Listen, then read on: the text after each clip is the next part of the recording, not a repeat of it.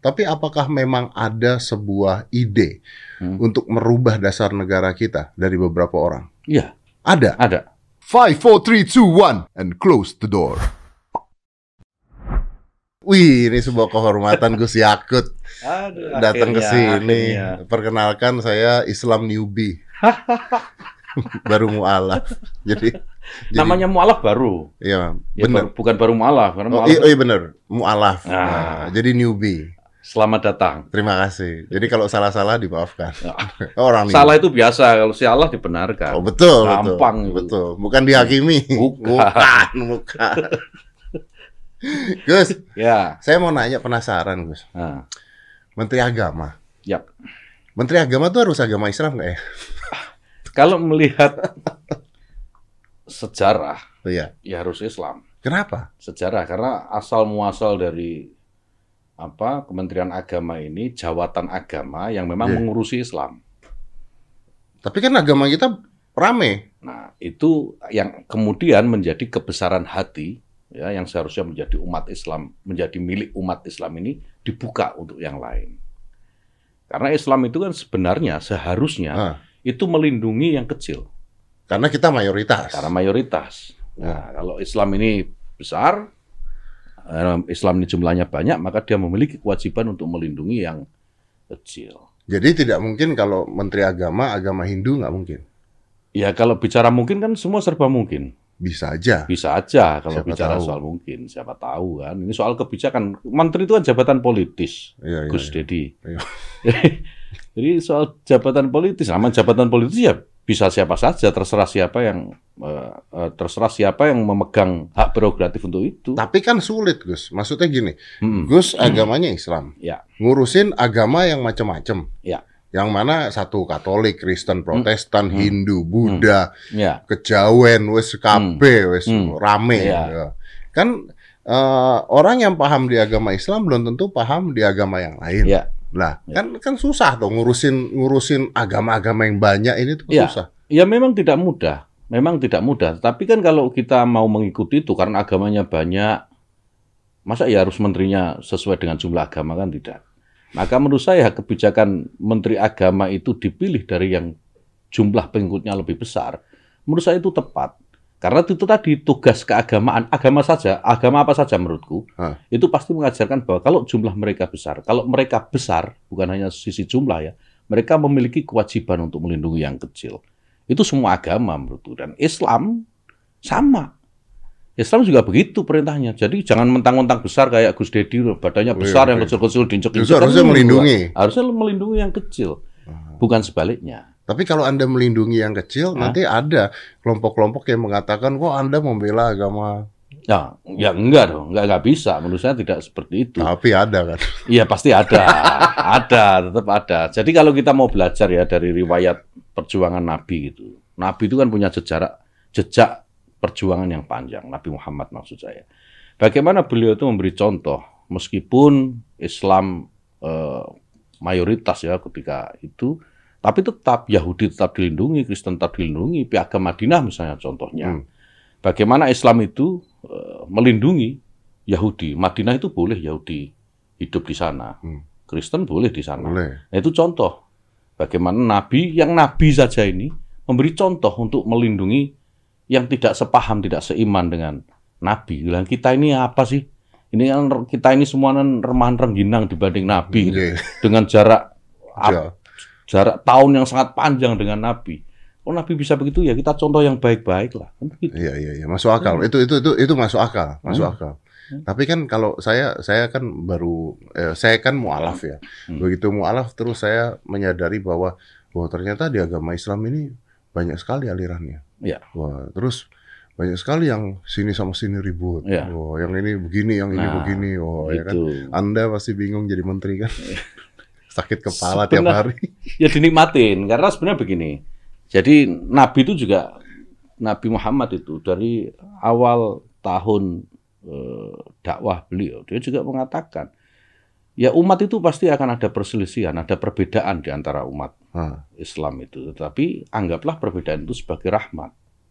Jadi perbedaan itu harus dianggap sebagai rahmat termasuk di dalamnya ada perbedaan madhab gitu ah, perbedaan cara pandang. Ini kan toh semuanya tujuannya sama. Nah ini sebenarnya muaranya satu, Gus, Gus Dedi. Agama itu sering kali kita ini salah melihat agama. Mau coba, coba terangin, terangin. Nah. Oke, oke. Agama itu ada satu pertanyaan mendasar. Agama itu wasilah atau goyah? Wasilah itu sarana, goyah itu tujuan. Apakah agama itu tujuan atau agama itu sarana? Nah orang sering kali yang ngotot bahwa dia yang paling benar, sementara yang lain keliru yang tidak seperti dia, itu biasanya menganggap agama sebagai tujuan, bukan sebagai cara, wasilah, bukan sebagai apa, sarana. Tujuan ya. Nah. Oke, oke. Sarana itu seperti apa? Apa kemudian kalau agama itu sarana, tujuannya apa? Tujuannya mencapai keridoan Tuhan, Oke. keridoan Allah. Oke. Maka agama itu harus dipandang sebagai sebuah sarana. Nah, karena sebuah sarana, karena agama itu sarana, ya, menuju keridoan Allah, ya kita harus hormat. Kalau orang memilih sarana yang lain, seperti kita memilih kendaraan, misalnya kita mau pergi ke Bandung, Hmm. ya terserah kita mau pakai mobil, mau motor, mau jalan kaki, mau. Menghargai. Iya, harus kita hargai pilihan itu. Toh tujuannya sama-sama ke Bandung. Nah, kalau semua orang mau berpikir tentang agama dengan cara seperti itu, menurutku ya, Saya setuju dengan Ah. yang Gus katakan, saya setuju, Ah. sangat setuju. Tapi kenyataannya yang terjadi adalah contohnya, ah, misalnya Gus, kan sekarang eh, Gus Yakut ini Menteri Agama mewakili semua, Semua agama. agama, iya. Oke, artinya kan ada sebuah kemungkinan bahwa Anda akan masuk ke pura Hindu. Iya. Iya kan? Betul. sudah. Dan itu sudah saya lakukan. Sudah dilakukan. Sudah dilakukan. Dan Anda mengucapkan Selamat Hari Natal. Iya. Sudah dilakukan. Saya Nah. lakukan. Loh, tapi yang Ah. melawan dan yang marah-marah ini banyak loh. Ini kan tidak boleh mengucapkan selamat hari Natal kan Anda begini kan. Wah, itu kan banyak. Saya kalau jadi Gus Yakut, saya waduh. Ya begini, soal boleh nggak boleh itu kan harus ada dasarnya dalam agama. Betul. Ya melarang dasarnya apa? Ya, banyak riwayat yang mengatakan hadis yang menyatakan bahwa Nabi pun juga memberi penghormatan terhadap agama lain, gitu kan? Apa salahnya? Kalau ini dianggap toh salah, mereka ini yang tidak setuju, tidak sepaham, bukan hakim dari pemahaman keagamaan saya. Ah, Hakimnya tetap Allah, Iya, iya, iya. ya kan? Benar atau salah, itu nanti Allah yang akan menentukan pada akhirnya. Betul, betul. Tapi saya memiliki keyakinan bahwa ini juga dilakukan Nabi.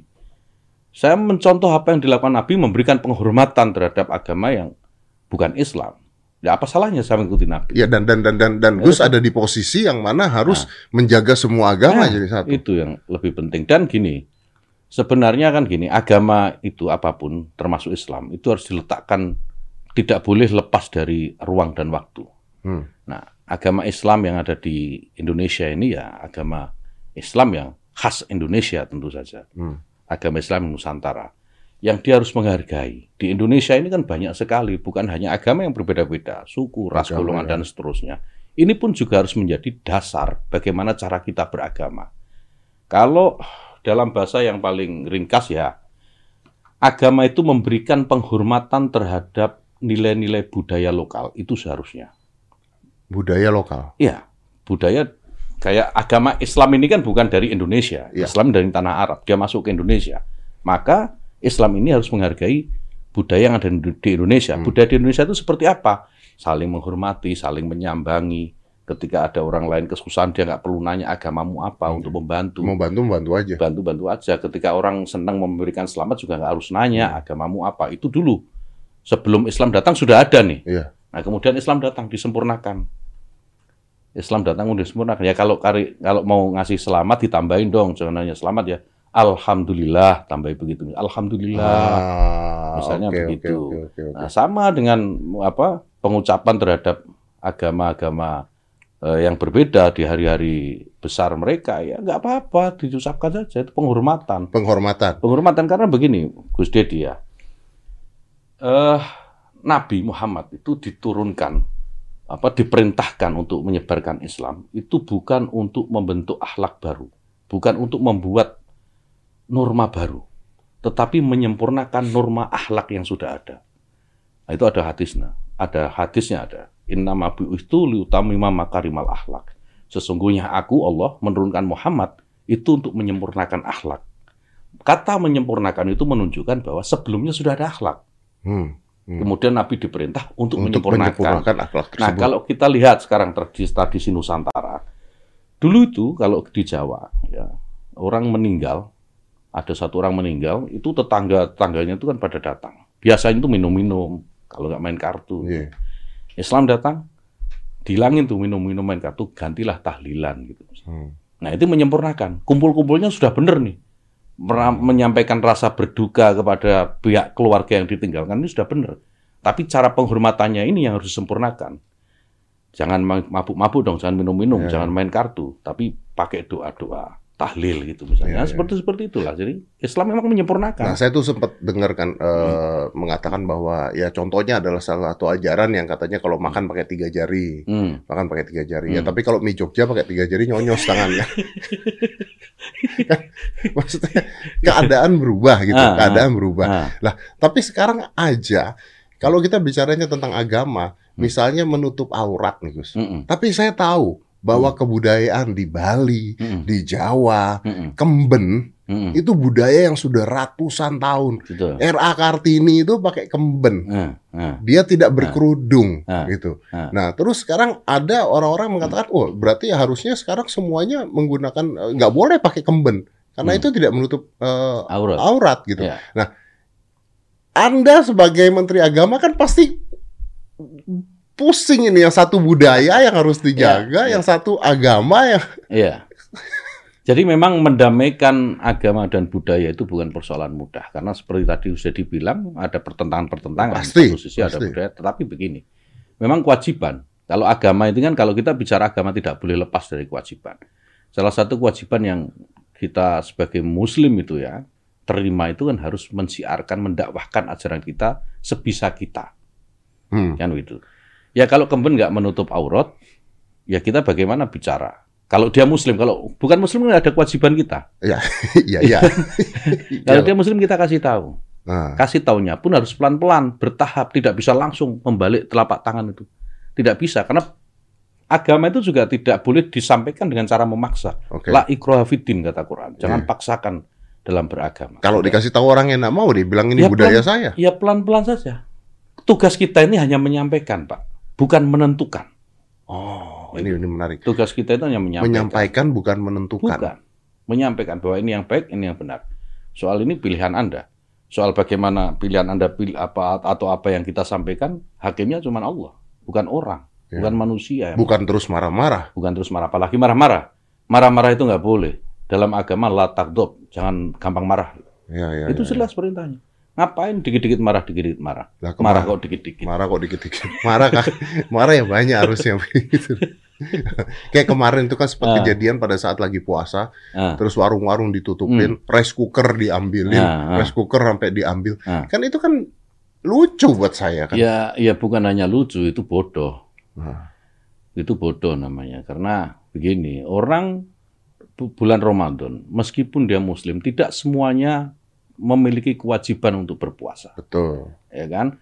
Musafir boleh tidak puasa. Betul. orang mens Lagi mens perempuan nggak puasa boleh, orang Nah, tua nah, orang sakit. tua banyak. Jadi kalau kemudian tempat-tempat em, makan ini diacak-acak gitu ya dirazia diambil rice cooker kalau ada musafir lewat dia harus makan makan di mana? Susah. Ada orang yang mens mau makan makan di mana? Warungnya ditutup ya kan susah Ya. itu yang pertama yang kedua kalau kita bicara dalam konteks puasa orang beribadah apa pun ibadahnya termasuk puasa itu tidak perlu penghormatan itu kan selalu begitu hormati orang yang berpuasa kan Oh, begitu lah emang kita ini perlu penghormatan dalam berbeda, beribadah? Tidak. Ya kita beribadah saja. Kalau kita beribadah masih membutuhkan penghormatan orang, itu namanya ria. Iya betul betul betul. Ya kan? Justru itu ibadah yang tidak diterima. Nah, yang ketiga logikanya kan begini. Semakin banyak cobaan, semakin banyak pahala kita. Iya benar. Ya, saya, saya, saya, saya juga gitu pada saat saya puasa, saya tiap hari puasa sih Ramadan Hmm. nggak Ramadan saya puasa Hmm. sih. Pada saat puasa ada orang makan di depan saya, saya bilang nggak apa-apa makan aja tuh Hmm. pahalanya buat gue juga. Gue Hmm. ngeliat orang makan, gue nggak pengen makan juga gitu kan. Tidak mengganggu, sebenarnya kan tidak Hmm. mengganggu sama Nah, sekali. kan. jangan-jangan orang yang merazia-merazia itu justru imannya yang lemah dia. Iya iya iya. Dia nggak tahan kalau ngelihat makanan jadi pengen makan. aja. jadi justru yang merazia itu patut diduga bukan mereka ini yang memiliki iman yang kuat, tapi sebaliknya justru mereka ini yang imannya lemah. Iman yang kuat digoda apa pun juga nggak akan berkembang. Iya iya. iya. Iya. Tergantung dari keyakinannya dia Iyalah, sendiri. Iya. Wih, tapi ini berat sekali kalau kita bicara nih. Ini ka- karena Gus, saya kita tahu lah kita gitu, kita Ya. sama-sama tahu gitu. Misalnya ada kan maksudnya pihak-pihak tertentu yang maksudnya ingin pokoknya harus eh, Islam itu ya begini gitu. Tidak Hmm. nggak tidak boleh eh, Islam Nusantara itu apa? Nggak ada itu Islam Nusantara. Masa Islam Nusantara? Islam tuh ya ada ada Ya, plek-ketipleknya begitu kan. Itu kan itu kan jadi perdebatan yang luar biasa akhirnya. iya. Jadi begini, Islam di Nusantara ini kan soal definisi yang eh, tidak dipahami secara clear. Islam Nusantara ya Islam di Nusantara.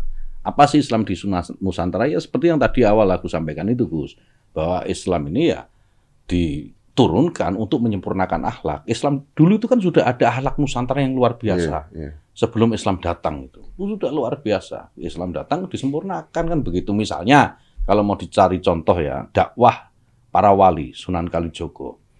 Kalau kita cari di Islam itu nggak ada ajaran wayang itu nggak ada. Iya, iya. Tapi Wayang. mereka pakai wayang. Tapi Sunan Kalijogo berdakwah dengan wayang. Apa salahnya? Ah. Ya kan wayang yang dulu tidak ada apa namanya eh, eh, tidak ada selipan ajaran-ajaran agama Islam, kemudian Sunan Kalijogo menggunakan wayang sebagai medium untuk berdakwah, memasukkan punokawan, semar, gareng, petruk dan seterusnya yang biasanya dalam eh, ketika mereka muncul di panggung itu isinya dakwah Islam semua Ya malah menarik orang. malah menarik orang dan mudah diterima. Ya. Nah itu itu saya kira menjadi penting. Dakwah dengan jalur kebudayaan, sebagaimana Islam Nusantara itu menjadi jauh lebih penting daripada dakwah dengan cara penaklukan. Jadi kita ini terbiasa dengan eh, cara berpikir penaklukan gitu ya, karena kalau kita baca nih sejarah-sejarah Islam, buku-buku anak-anak saya, anak-anak sekolah, anak-anak saya yang sekolah ini, buku-buku agama Islam, ketika menceritakan tentang Nabi, yang banyak diceritakan itu sejarah perangnya. Hmm. Perang Badar, perang Uhud, dan seterusnya. Perang, pokoknya perang. semua perang semua. Sehingga seolah-olah itu Perang. Nabi dalam berdakwah perang. Padahal kalau kita total, saya, kalau saya salah mohon maaf, tapi seingat saya, dari total masa kenabian Nabi yang 23 tahun itu, perang itu hanya 8 bulan, kalau tidak salah 8 bulan, kalau ya 8 bulan. 8 atau 6 bulan malah. Itu eh, masa perang, kalau di total ya, masa perang Nabi itu hanya segitu. Bukan- Selebihnya dengan damai. Iya, bukan damainya yang disebarkan. Bukan tapi- damainya yang kemudian diajarkan ke anak-anak kita melalui pelajaran-pelajaran tapi perangnya nih. Makanya kalau kita tanya anak-anak itu, apa yang mereka tahu dari Nabi? Pasti perang Badar, Iya, iya. ya kan? Perang Uhud, perang ini, perang itu gitu kan. Iya. Sementara tidak tidak mereka tidak mengenal misalnya bagaimana piagam Madinah isinya Iya, apa, perdamaian antara Islam dan Yahudi ya apa. Iya. Mereka pasti nggak paham. Itu itu memang benar sih. Kemarin saya kan eh, ngobrol juga karena kasus anjing kemarin tuh. Hmm, Eh, saya juga eh, pelajari ternyata ada mazhab yang berbeda-beda Iya. gitu kan. Ada yang mengatakan anjing itu najis secara mutlak, ada yang Iya. mengatakan air liurnya Iya. atau kotorannya najis, Iya. ada yang mengatakan bahwa eh, ya maksudnya anjing itu kalau dijilat baru najis Ah, gitu kan. iya. Sedangkan saya baca juga bahwa di Arab aja ada kafe sekarang kafe ada anjing ya katanya Iya, sekarang iya, gitu kan. Nah, iya. ini kan akhirnya karena perbedaan-perbedaan yang seperti itu pasti terjadi keributan-keributan. Iya. Apakah tidak mungkin menyatukan sebuah paham yang sama di Indonesia? Ya, saya kira tidak perlu juga apa perlunya menyatukan paham. Biarkan saja Biarkan berbeda. saja, karena memang Tuhan itu menginginkan kita berbeda. Ah, Jadi, Oke, Tuhan itu juga nggak tidak berkehendak kita ini sama. ya. Jadi Tapi apa pun jangan ribut gitu ya. Ya, jangan ribut. Jangan ribut ya. Iya, intinya jadi kita ini memang diciptakan untuk berbeda-beda. Dalam perbedaan itu, maka Tuhan memerintahkan kita untuk saling bersilaturahmi, ya. Hmm, untuk saling bertemu dengan yang lain, untuk berdiskusi, menyelesaikan persoalan dengan dialog dan seterusnya. hmm. Jadi bukan dengan keributan. Makanya saya selalu bilang kepada mereka ini yang ribut-ribut soal perbedaan begitu, jangan-jangan belajarnya masih kurang lama. Ngaji lagi harusnya. Gitu. Jangan emosi gitu. Jangan ya. emosi, Jangan ngaji dulu. Ya, ya, ya, ya, Gitu. ya. Orang emosian kan biasanya ilmunya cetek. Iya betul betul betul betul karena emosi terus betul betul betul betul betul. Gus kalau dikatakan Nah. bahwa ternyata eh, apakah benar ada gitu karena ada orang yang mengatakan wah itu sebenarnya nggak ada ini cuma dibuat-buat doang. Apakah benar ada Islam radikal di Indonesia? Nah, jadi begini, saya sering kali eh, merasa begini, istilah radikal, istilah toleran gitu ya, atau intoleran, Hmm. itu diksi-diksi yang sangat plastis. Oh.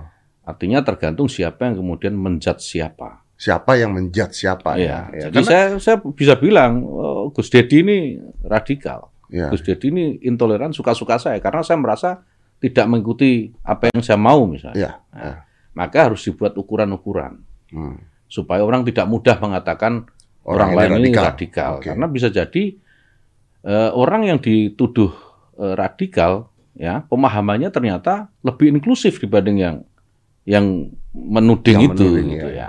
Nah, maka kita mencoba membuat definisi apa sih yang disebut radikal. Nah, radikal itu kemudian kita eh, salah satunya kita sebut begini, mereka yang merasa bahwa dirinya yang paling benar, Dirinya yang paling benar. nah, orang lain salah. Oke. Ya, itu radikal. Jadi ngotot lah pokoknya yang paling benar saya nggak ada ruang dialog, pokoknya yang benar saya kamu Ini, salah. ini ini menantang dialog ya. Iya, Ya. Iya. Karena kan kalau misalnya dirinya menganggap agamanya yang dia pilih benar boleh sebenarnya. ya boleh. Boleh. nanti akan sampai ke sana. Ya nanti akan sampai ke Oke sana. oke Jadi oke itu. oke oke oke. Orang yang kemudian masih terus-menerus mempermasalahkan konsensus kebangsaan kita. Hmm. Nah, kenapa begitu? Karena konsensus kebangsaan ini adalah pertemuan dari banyak kepentingan, pertemuan dari banyak perbedaan termasuk di dalamnya agama. Pancasila itu titik temu, kamil kalimatun sawa kalau dalam bahasa kita. Titik temu dari semua perbedaan termasuk perbedaan agama. Kita tahu kita ini kaya dengan agama, bukan hanya enam agama yang kita kenal, tapi ada agama Oh, ada kejawen, ya oke. kan, Sunda Wiwitan dan seterusnya. Banyak sekali, ada Bahai, ada Zoroaster, ada Yahudi bahkan di Indonesia. Banyak sekali. Nah, mendamaikannya dengan apa mereka ini? Konsensus nasional. Pancasila, Undang-Undang Dasar 45 dan seterusnya. Hmm. Nah, kalau masih ada mempertanyakan ini, ya kita bisa kategorikan ini sebagai radikal. Karena melawan Pancasila dan NKRI. Iya, iya. Iya. Ah, Nah, itu sebenarnya kategori yang paling mudah. Meskipun kalau kita mau ya harus lebih rigid. Lebih rigid. Tetapi yang paling mudah mengidentifikasi ya seperti itu. Ini masih nggak? Masih masih mempertanyakan konsensus kebangsaan nggak? Masih apa namanya? eh, eh, apa tadi? ya ya ya. Memaksakan, Memaksakan. memaksakan pemahamannya atas orang lain atau dan meyakini bahwa dia yang paling benar. Artinya Nah, sebenarnya begini, kalau soal keimanan, ya, saya ini Muslim, Gus Edi Muslim, itu harus mengakui bahwa agama yang kita anutin agama yang paling benar bagi kita, bagi kita, bagi Nah. kita. harus itu, ya. Dan kita harus keras terhadap keyakinan ini. Ya. Kita ini keras. Tetapi terhadap orang lain kita harus lunak. Lunak artinya bahwa orang lain juga mungkin memiliki kepercayaan yang berbeda dengan keyakinan kita. Itu biasa saja. Atau dalam bahasa yang paling sederhana begini. Kita semua ini memilih hak, memiliki hak termasuk hak dalam memilih agama. Tetapi ingat, hak kita itu dibatasi oleh hak orang lain. Kita tidak boleh memaksakan hak kita dalam beragama kepada orang lain. Hak kita beragama Islam. Tapi kemudian tidak boleh mengatakan bahwa hak orang lain yang memilih agama selain Islam Salah. itu salah. Oke, atau memaksakan. Bahkan memaksa, itu malah nggak boleh lagi. Ya, ya. Itu. Jadi itu, kita punya hak dan hak kita dibatasi oleh hak orang lain. Artinya kita disiplin terhadap diri kita sendiri, bukan mendisiplinkan orang lain terhadap keinginan kita. Intinya Betul. begitu kan. Iya, iya. Oke. Ba- Karena gini, kita sering kali itu keras kepada orang lain, tetapi lunak kepada diri sendiri. Oh iya benar. Itu kebalik. Harusnya kita ini keras kepada diri sendiri, tetapi ramah, lunak kepada orang lain. Nah, ini sebenarnya juga ajaran dasar dalam agama Islam, amar ma'ruf nahi mungkar. Jadi bagaimana menyuruh kebaikan dan mencegah kerusakan. Hmm. Duluan mana nih mencegah kerusakan atau menyuruh kebaikan? Menyuruh kebaikan. Serukan dulu kebaikan, baru mencegah kerusakan. Hmm. Ya, nahi mungkar itu. Nah, sekarang orang dibalik-balik nahi mungkar dulu. Jadi mencegah keburukan dulu, bukan mengajak kebaikan. Ini yang dibalik-balik menurut saya. Sebenarnya kan kalau kita ingin agar Hmm. orang banyak yang memeluk agama Muslim atau orang ya kan kita pasti inginnya Iya. orang memeluk agama kita Iya, itu pasti itu iya, manusiawi gitu ya. iya. Kan contohnya harus dengan kebaikan, Iya, ya kan? iya. Bukan dengan marah-marah kan?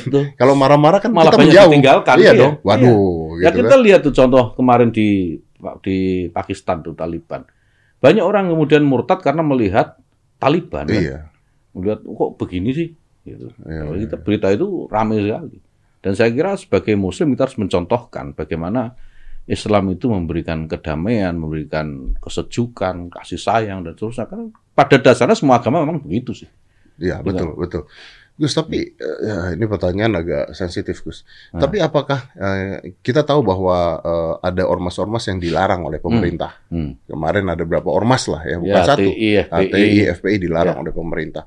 Apakah memang ada? Saya nggak bicara mereka, Hmm. saya nggak bicara mereka. Tapi apakah memang ada sebuah ide Hmm. untuk merubah dasar negara kita dari beberapa orang? Iya, Ada. ada. Ada. Itu nyata. Nyata, misalnya kalau FPI, di ADRT mereka jelas ingin mendirikan NKRI bersyariah. Ini kan jelas berbeda dengan NKRI yang menjadi konsensus yang tadi kita bicarakan itu. NKRI yang menjadi konsensus kita ya NKRI seperti sekarang ini. NKRI yang tidak tidak harus ada embel-embel syariah. Kalau mereka mengatakan itu untuk menyempurnakan, Menyempurnakan apa? Apa sekarang yang perlu disempurnakan dari republik yang luar biasa ini? Islam katakan begitu ya. Haji diurus sama negara. Kurang Islam apa? Hmm. Ya, apa yang nggak diurus oleh negara nih? Amaliyah, amaliyah Islam. Haji diurus negara, umroh diurus negara, masjid diurus negara. Ah, kurang Islam apa Indonesia ini? Kenapa harus ada kata syariah? Itu sudah sangat Islami Indonesia ini. Karena memang perintahnya begini, Gus Dedi. Jadi perintah eh, Allah gitu ya kepada kita itu bukan mendirikan negara Islam, tapi menciptakan masyarakat Islami itu beda ya. sangat berbeda. Jadi orang-orang ini merasa perlu gini, mendirikan sebuah negara Islam karena ini perintah Tuhan, perintah Allah. Lah maka Allah itu butuh negara. Allah itu nggak butuh negara, Allah sudah punya alam semesta. Buat apa negara kecil buat Allah? Pasti tidak ada perintah itu. Tapi Allah memerintahkan ciptakan masyarakat yang Islami. Masyarakat Islam Masalah ya- Islami itu yang apa? itu gitu yang kan. kasih sayang, yang disiplin, tertib, itu kan Islami semua. Sifat Penghormatan sifat sifatnya. Islami, Iya, itu sifat. bukan negara Bukan Islam. negara Islam. Karena Allah nggak butuh negara. Ah. Kalau Allah butuh negara, nanti Allah butuh kabupaten, butuh kecamatan, butuh Butuh polisi agama butuh berarti. polisi agama. Jadi gitulah kira-kira. Ya ini memang pekerjaan kita, pekerjaan rumah yang saya kira harus diselesaikan, harus dijelaskan gitu ya, meskipun mungkin dengan sangat pelan kepada masyarakat. Jadi harus kembali. Kalau misalnya seperti itu, seperti kemarin saya ngobrol dengan eh, Mas Guntur Romli Hmm. di sini, artinya wisata halal itu juga sebenarnya tidak terlalu dibutuhkan dong. Hmm. Karena kan Nah. kita sudah tahu yang halal mana yang tidak mana Ya. sebenarnya. Ya, jadi mungkin buat sebagian orang ya soal halal haram itu tidak masalah, tapi buat sebagian yang lain belum tentu. Jadi sekarang begini, wisata halal tinggal ditaruh di mana? Hmm. Masalahnya kan, Ya, ini masalahnya itu. ya kan ya, makanya ditaruh. Kalau wisata halal ditaruh di Saudi itu misalnya, Ah, nggak ada gunanya. Lucu toh. Loh, nggak ada barang haram di sana. Iya makanya lucu toh. Nah iya, tinggal di di mana. Jadi sekarang menurut saya apa pun itu tidak bisa, tidak boleh dilepaskan dari konteks. Konteksnya apa? Mau Hmm. halal, mau haram, mau baik, mau buruk itu tidak bisa lepas dari konteks. Karena kita tidak pernah bisa berdiri sendiri kan tanpa ruang waktu. Iya, iya, konteks iya, itu betul. penting menurut saya. Betul, betul. Konteks ini diletakkan di mana? Wisata halal misalnya ditaruh di Bali. Kepentingannya apa dulu? Konteksnya juga harus dilihat. Hmm. Nggak semudah itu ya. Enggak, yang menurut saya nggak semudah. Misalnya, ini saya permisalan saya tidak sedang mengkritisi atau apa Ya, ya, ini ya, ya. mencontohkan saja. Jadi kalau ditaruh di Bali misalnya, ini sasarannya siapa? Untuk masyarakat Bali. Buat apa?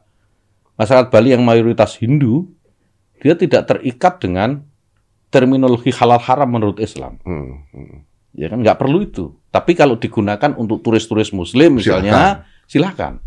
Kan begitu aja sebenarnya. Konteksnya saja kita lihat. Konteksnya seperti apa? Iya, tinggal konteks. Iya, iya, iya. iya. Nah, kita sering kali lupa dengan itu, Mak. Gus Dedi. Jadi kita ini sering kali melepaskan diri dari konteks. Pokoknya yang dibaca ya, ya apa itu halal haram. Kalau kalau perlu dipotong-potong sesuai kepentingannya. Iya, ya pasti. Nah itu. Pasti, Nah, pasti. itu jadi masalah. Memang ada kepentingan-kepentingan Iya, tersendiri sebenarnya itu. menurut saya. Nah, Ada kepentingan. percaya tidak percaya, kepentingan-kepentingan ini muaranya itu mempertanyakan konsensus kebangsaan kita. Larinya ke sana. Larinya ke situ. Sejauh itu. Iya. Percaya nggak percaya? Berarti ada usaha merubah konsensus negara. Ada. Wih, wow. Nah, iya, ada. Ya kita nggak nggak bisa pungkiri ini. Ini ada. Ada, ada. Ada. Ujungnya ke sana. Oke, apakah Hmm. bisa kejadian? Selama kita ini eh, menjadi satu barisan dalam barisan orang-orang waras tidak. Sepanjang kita ini yang waras mau bersuara tidak. Tapi selama kita Tapi yang waras, saja, yang waras biasanya jarang mau bersuara. itu masalahnya. Masalahnya. Diserang buzzer. Nah. Waras ayo kita bersuara, nggak usah takut. Yang waras itu jauh lebih banyak daripada yang menginginkan konsensus nasional ini dibongkar ulang. Iya, iya, iya. Ini menurut saya sampai saat ini ini yang terbaik. Kita tahulah konsensus apa pun namanya sama dengan tadi saya sampaikan soal agama. Ini hanya wasilah, cara. Cara untuk mencapai kesejahteraan masyarakat. Hmm. Ya kan, kalau negara dengan konsensusnya itu kan tujuannya itu bagaimana rakyat sejahtera kan begitu. Ya, cara yang terbaik ini sekarang. Konsensus ini. Konsensus ini Iya, konsensus kebangsaan kita Pancasila Undang-Undang 45, NKRI. yang sudah terbukti. itu sudah terbukti. Oke, Gus, kalau misalnya bertanyanya seperti, kalau misalnya Gus mengatakan seperti itu, saya kok, eh, saya kok merasa ada yang aneh, Gus ya. Ah. Anehnya begini, dulu waktu saya kecil, saya tuh ingat banget saya makan di pecenongan lah itu restoran Chinese food dulu ya. Hmm. Itu kan kalau zaman dulu tuh suka orang jualan buku, buku, buku Hmm, di- hmm. menjajakan Iya, iya, buku di bus iya, juga iya. gitu ya. Saya tuh masih ingat banget ada buku cara ketawa, mati ketawa Nah, cara Rusia. Rusia, Ah, ada mati ketawa cara Islam, Iya, mati iya. ketawa cara Katolik, Iya, mati iya, ketawa. iya. Terus udah gitu jokes-jokesnya dulu adalah ada pastor gendong Pak Haji. Ah, Ya, terus ada Ah. Pak Haji ketemu kambing. Iya. Terus ada wah, ah, pokoknya jokesnya tuh bener-bener Iya. multikultural, multi religi. Iya, Terus kita ketawa. iya. Iya. Kok sekarang ketawa takut ya kita ya? Iya, kita ketawa aja kalau gitu sekarang. Sebenarnya kan biasa saja itu. Jok-jok itu juga masih ada. Gus Dur misalnya bagaimana eh, bisa menggunakan jok-jok agama itu dengan rileks itu Iya, Gus Dur. Iya. Ya, Gus Dur itu yang terkenal jok tentang agama itu ketika ditanya, ketika beliau cerita nih Allah yarham almarhum Gus Dur cerita itu ada klaim siapa yang paling dekat dengan Tuhan kan. Iya, iya, iya, iya. Ya, itu kan iya, udah tahu. terkenal itu. Iya, iya, iya. iya. Ya, yang paling dekat ya Hindu. Kenapa Hindu? Ya manggil Tuhannya Om, Om Swastiastu gitu. Oh enggak kata orang Kristen Katolik kita yang dekat, kita manggilnya Bapak. Oh, iya, iya, iya. Ya kalian enak kata Gus Dur. Punya Om, punya Bapak. Kalau Islam buru-buru deket, manggil Tuhan aja pakai Pakai toa. toa. Dan Gus Dur bisa menyampaikan itu dengan rileks Ya, pada tapi- waktu itu dan tidak ada guncangan apa pun. Kalau sekarang Oh, kalau sekarang penistaan agama. penistaan agama. Nah, oke, masalahnya adalah Hmm. ka- sekarang Gus setuju sama saya. Kalau sekarang itu bisa dianggap menjadi penistaan agama. Iya. Apa yang membuat ini menjadi berubah sekarang? Sedangkan dulu kita dengan rileksnya Indonesia bisa Iya. ketawa bersama. Ya, saya kira ini juga sejalan dengan eh, apa semakin borderlessnya gitu, semakin tidak ada batasnya jarak gitu ya, sehingga pemahaman-pemahaman transnasional itu dengan mudah masuk melalui apa eh, sarana digital itu, Mm-mm. mulai gadget-gadget Mm. kita, orang menjadi belajar dengan mudah meskipun belum tentu benar. Hmm. Mereka bisa belajar dari grup WA sekarang, bisa belajar dari Twitter, bisa jadi Wah, iya benar. Instagram dan seterusnya Iya. yang belum tentu ajaran ini ajaran benar sehingga kalau orang bilang saat ini itu saat hilangnya kepakaran jadi tidak ada lagi pakar Iya benar. karena benar, semua orang benar. merasa pakar hanya dengan membaca grup-grup WA nah ini kemudian mendapat eh, ya itu dampaknya kemudian orang merasa dengan belajar sedikit tahu sedikit aja sudah merasa yang paling tahu dan paling benar nah ini Iya, menurut iya, saya ya iya. ini yang harus eh, kita perbaiki dan menjadi tantangan kita termasuk di di, apa di instansi yang saya pimpin sekarang di Kementerian Agama tantangannya itu bagaimana memberikan isi terhadap pemahaman keagamaan gitu yang sekarang ini hanya di permukaan aja yang banyak ini. Ya pasti sekarang cuma di permukaan. Nah, Iya. a- a- apakah eh, politik juga bermain? Ya pasti, pasti begitu karena begini Bu Sedi ya karena ya kita khawatirkan yang paling kita khawatirkan itu ketika agama dijadikan tools, dijadikan alat untuk merebut kekuasaan. Dan Itu itu dan itu biasanya efektif ya. Oh itu sangat efektif karena kita tahu. Jadi orang itu ya, orang itu sebandel apa pun, dia itu ya mabuk-mabukan, main judi, apa narkoba, tapi kalau agamanya disinggung marah deh. Padahal Itu memang agama istimewanya di situ. Maka memang secara politik dia menjadi eh, apa alat yang mudah untuk mengumpulkan orang karena politik kita politik demokrasi yang eh, kemenangannya ditentukan dengan berapa banyak suara kan gitu. Nah, mengumpulkan suara paling mudah itu dengan agama. Kita memiliki catatan kalau bukan hitam ya kelam lah tentang politisasi agama. Misalnya kemarin di Pilgub DKI. ya, ya. Kemudian di 2019 Pilpres itu agama juga masih Kuat dimainkan sebagai dimainkan. sentimen dan ini mengkhawatirkan menurut Iya, saya. iya. Tempat-tempat ibadah itu bukan kemudian apa memberikan pemahaman yang baik gitu ya, dakwah apa ujaran-ujaran yang baik.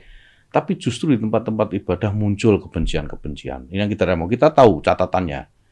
Misalnya di Pilgub DKI dulu kan orang yang tidak memilih Hmm. atau yang memilih kafir tidak disolati jenazahnya. Iya, iya. Sampai bermain di sana. Sampai seperti itu. Jadi menurut saya ini harus dikembalikan ke real yang benar. Hmm. Jadi eh, bagaimana agama itu di bukan dijauhkan ya, tapi dihindarkan dari eh, penggunaan agama sebagai alat politik. Tahu dari mana kita sebagai masyarakat bahwa 2024 tidak akan terjadi hal seperti ini? Gus? Ya, selama kita tidak memperbaiki itu akan terjadi lagi. Itu keyakinan. Maka tugas kami di Kementerian Agama untuk memastikan kalau toh tidak hilang sama sekali ini akan minimal. Minimal. Kita sedang menyiapkan nih, sedang menyiapkan beberapa eh, apa program gitulah ya, kira-kira yang kita kita merasa perlu dan eh, yakin bahwa ini akan bisa mengurangi eh, tensi bahwa agama akan digunakan sebagai alat politik. Tapi pasti kan, Pasti apa maksudnya? pasti digunakan sebagai alat politik. Saya yakin pasti. Pasti. Pasti karena ya Indonesia ini negara agama, Gus Edi. Artinya bahwa buk sorry, bukan negara agama tetapi Indonesia bukan negara agama tetapi semua pola hidup kita ini tidak bisa terlepas dari, Dari agama. agama. Iya, iya, Nah, iya. itu yang kemudian menjadi mudah untuk di pelintir-pelintir dikit menjadi alat politik itu pasti ada. Nah, berarti ini tugasnya siapa supaya tidak tidak terjadi Semua. maksimal? Semua. Semua saya kira. Menjadi tugas semua masyarakat juga, negara juga, pemerintah, apalagi Kementerian Agama. Tugas paling berat untuk ini memang leadingnya memang leadernya ini harus Kementerian Agama saya kira untuk menjaga ini. Se se se, se powerful apa eh, Kementerian Agama bisa bisa menyetop ini? Ya kalau bilang sepowerful apa saya kira kita tidak tidak akan bicara soal powerful atau tidak, tetapi kita memiliki instrumen, kita memiliki struktur gitu yang bisa kita lakukan untuk melakukan ini. Misalnya Kementerian Agama itu satu-satunya kementerian di eh, kabinet itu ya yang memiliki jejaring sampai ke kecamatan. Hmm. Jadi dari pusat sampai kecamatan ini struktur kita. Kalau yang lain kan hanya berhenti di pusat itu. Iya, iya. Paling banter ya di kabupaten. Iya, Tapi iya. kita bisa masuk kecamatan sama dengan polisi dan TNI lah kira-kira. Iya, iya.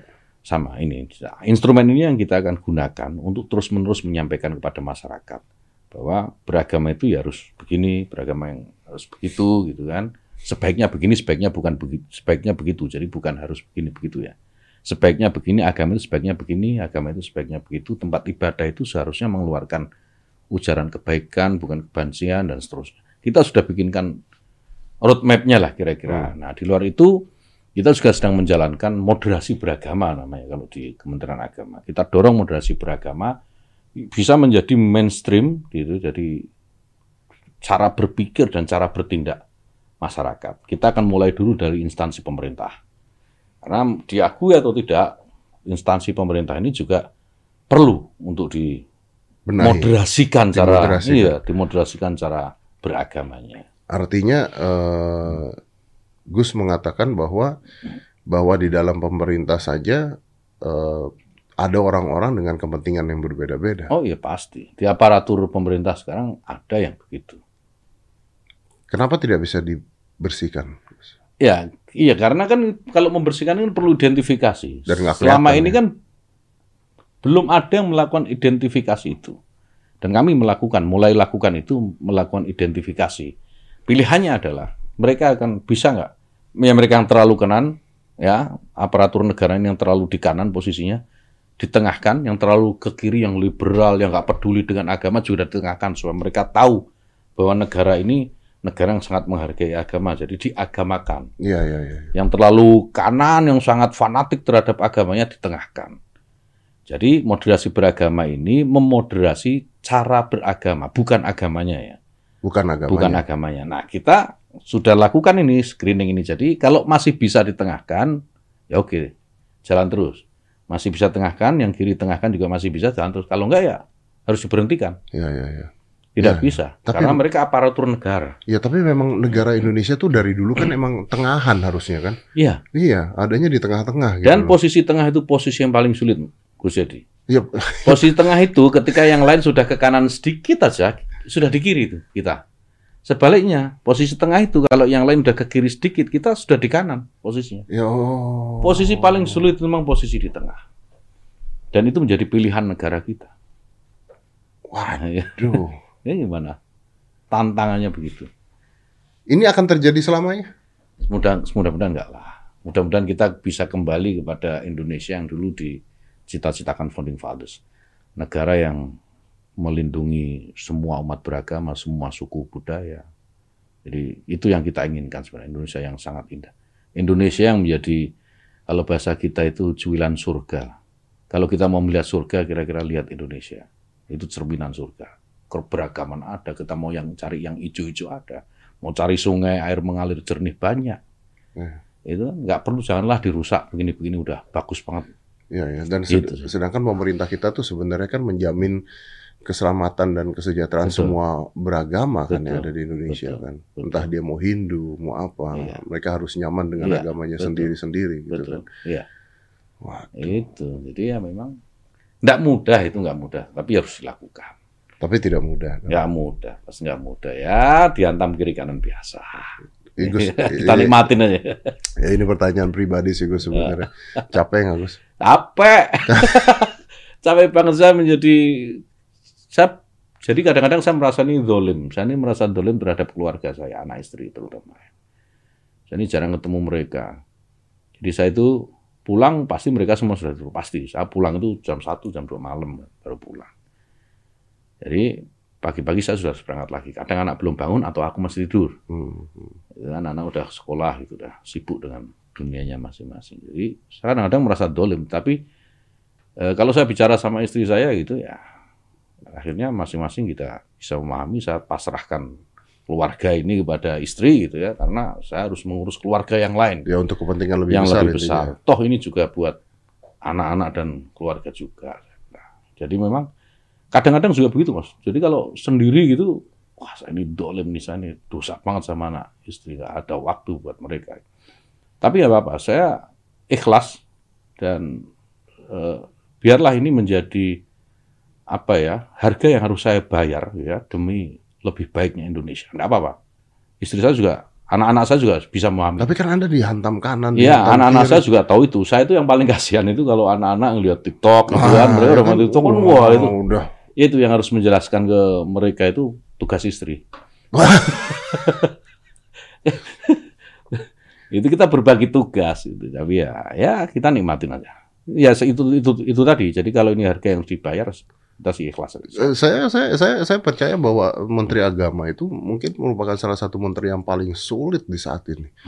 Karena dengan dengan semua keberagaman ya. Iya, Mau mau ini semuanya merdeka beragama, mau semuanya enak, tapi keberagaman pasti membuat masalah. Itu Iya. udah pasti. Iya. Bisa membuat sebuah keindahan juga. betul. Tapi saya yakin bahwa yang namanya keberagaman itu banyak masalah, pasti banyak masalah. Pasti. Dan Menteri Agama yang harus berdiri di tengah-tengah menghargai semua agama Iya. pasti tidak disukai oleh banyak orang juga Iya. gitu loh.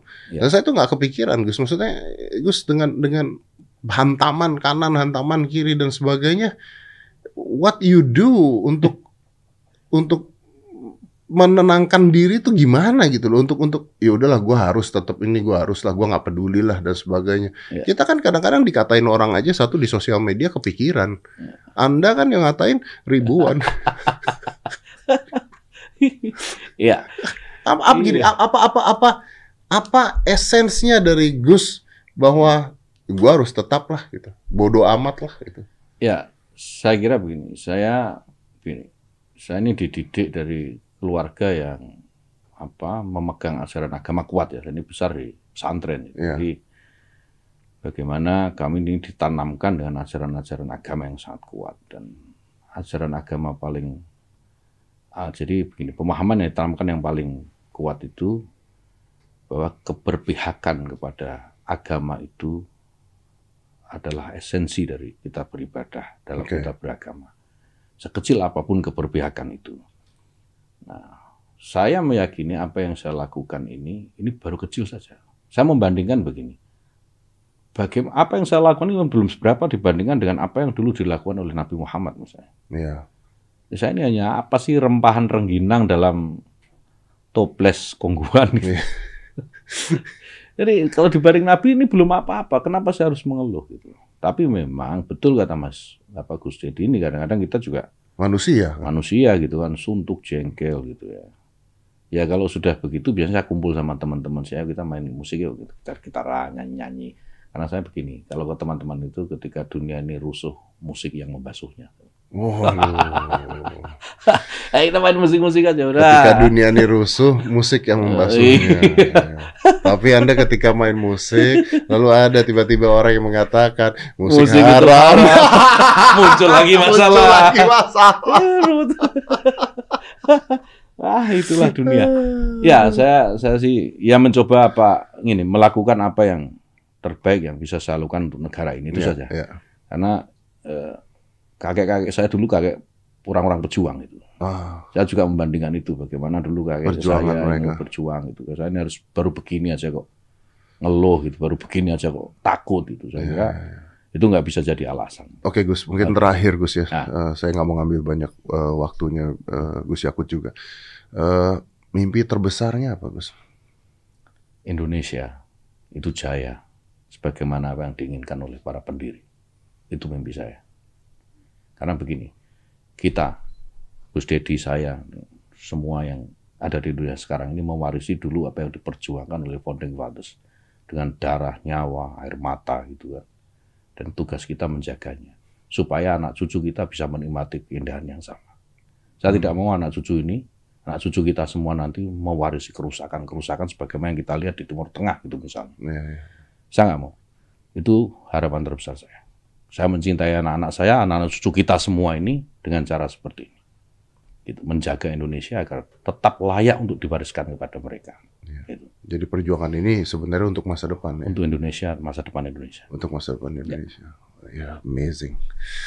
Gus, thank you. Terima kasih Ya, banyak. Luar terima kasih. biasa. Ini eh, saya belajar banyak sih. Saya tuh juga kadang-kadang sedih itu ketika eh, saya mempelajari agama secara lebih baik lagi gitu. Saya ngeliat Hmm. kenapa Indonesia makin lama makin meributkan agama gitu. Kenapa keindahannya. Sedangkan kita belajar bahwa pelangi itu indah karena warna-warni gitu Iya. loh, bukan karena satu warna. Ya, gitu. Gado-gado enak itu juga Gado- karena macam-macam isinya. Karena macam-macam isinya gitu. Saya masih mengalami yang namanya le- Lebaran itu tetangga ngirim ketupat, Iya. yang namanya Natalan itu eh, pada saat itu saya Saling kunjungi, saling kan? mengunjungi gitu Iya. loh. Tanpa harus tanpa harus eh, memuja Tuhan mereka ya, tanpa harus masuk Iya. ke mereka ya.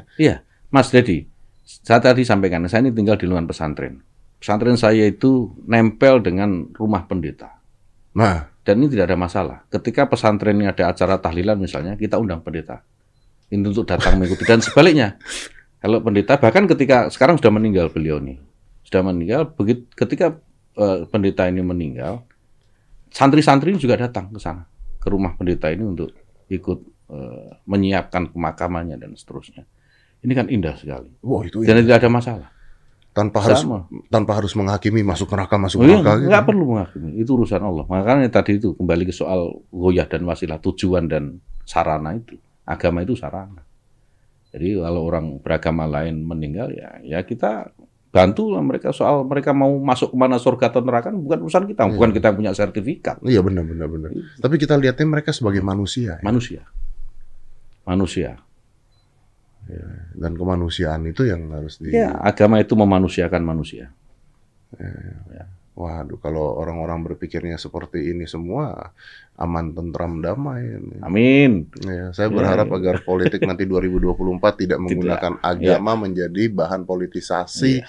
untuk memecah belah Indonesia. Karena kita bisa perang gara-gara Iya, itu doang. Kita nggak ingin itu. Dan orang-orang pada tidak ngerti loh. Saya masih Hmm. berpikir banyak orang yang akhirnya eh, mengatakan, wah ya ini membela agamanya, padahal digunakan oleh politik sebenarnya, bukan bukan karena Betul. bukan Betul. kebenaran Iya. gitu sebenarnya. Oh, agama nggak butuh dibela. Iya makanya. Gus terima kasih banyak Gus sehat kasih, terus sehat terus Ah, ya ya, Gus ya mudah-mudahan ya. Indonesia semakin jaya dan amin. Kita beragam-ragam tapi kita tetap satu juga. Amin. Terima Ya, kasih terima banyak kasih, Gus. terima Let's kasih, close Gus. this. Five, four, three, two, one, and close the door.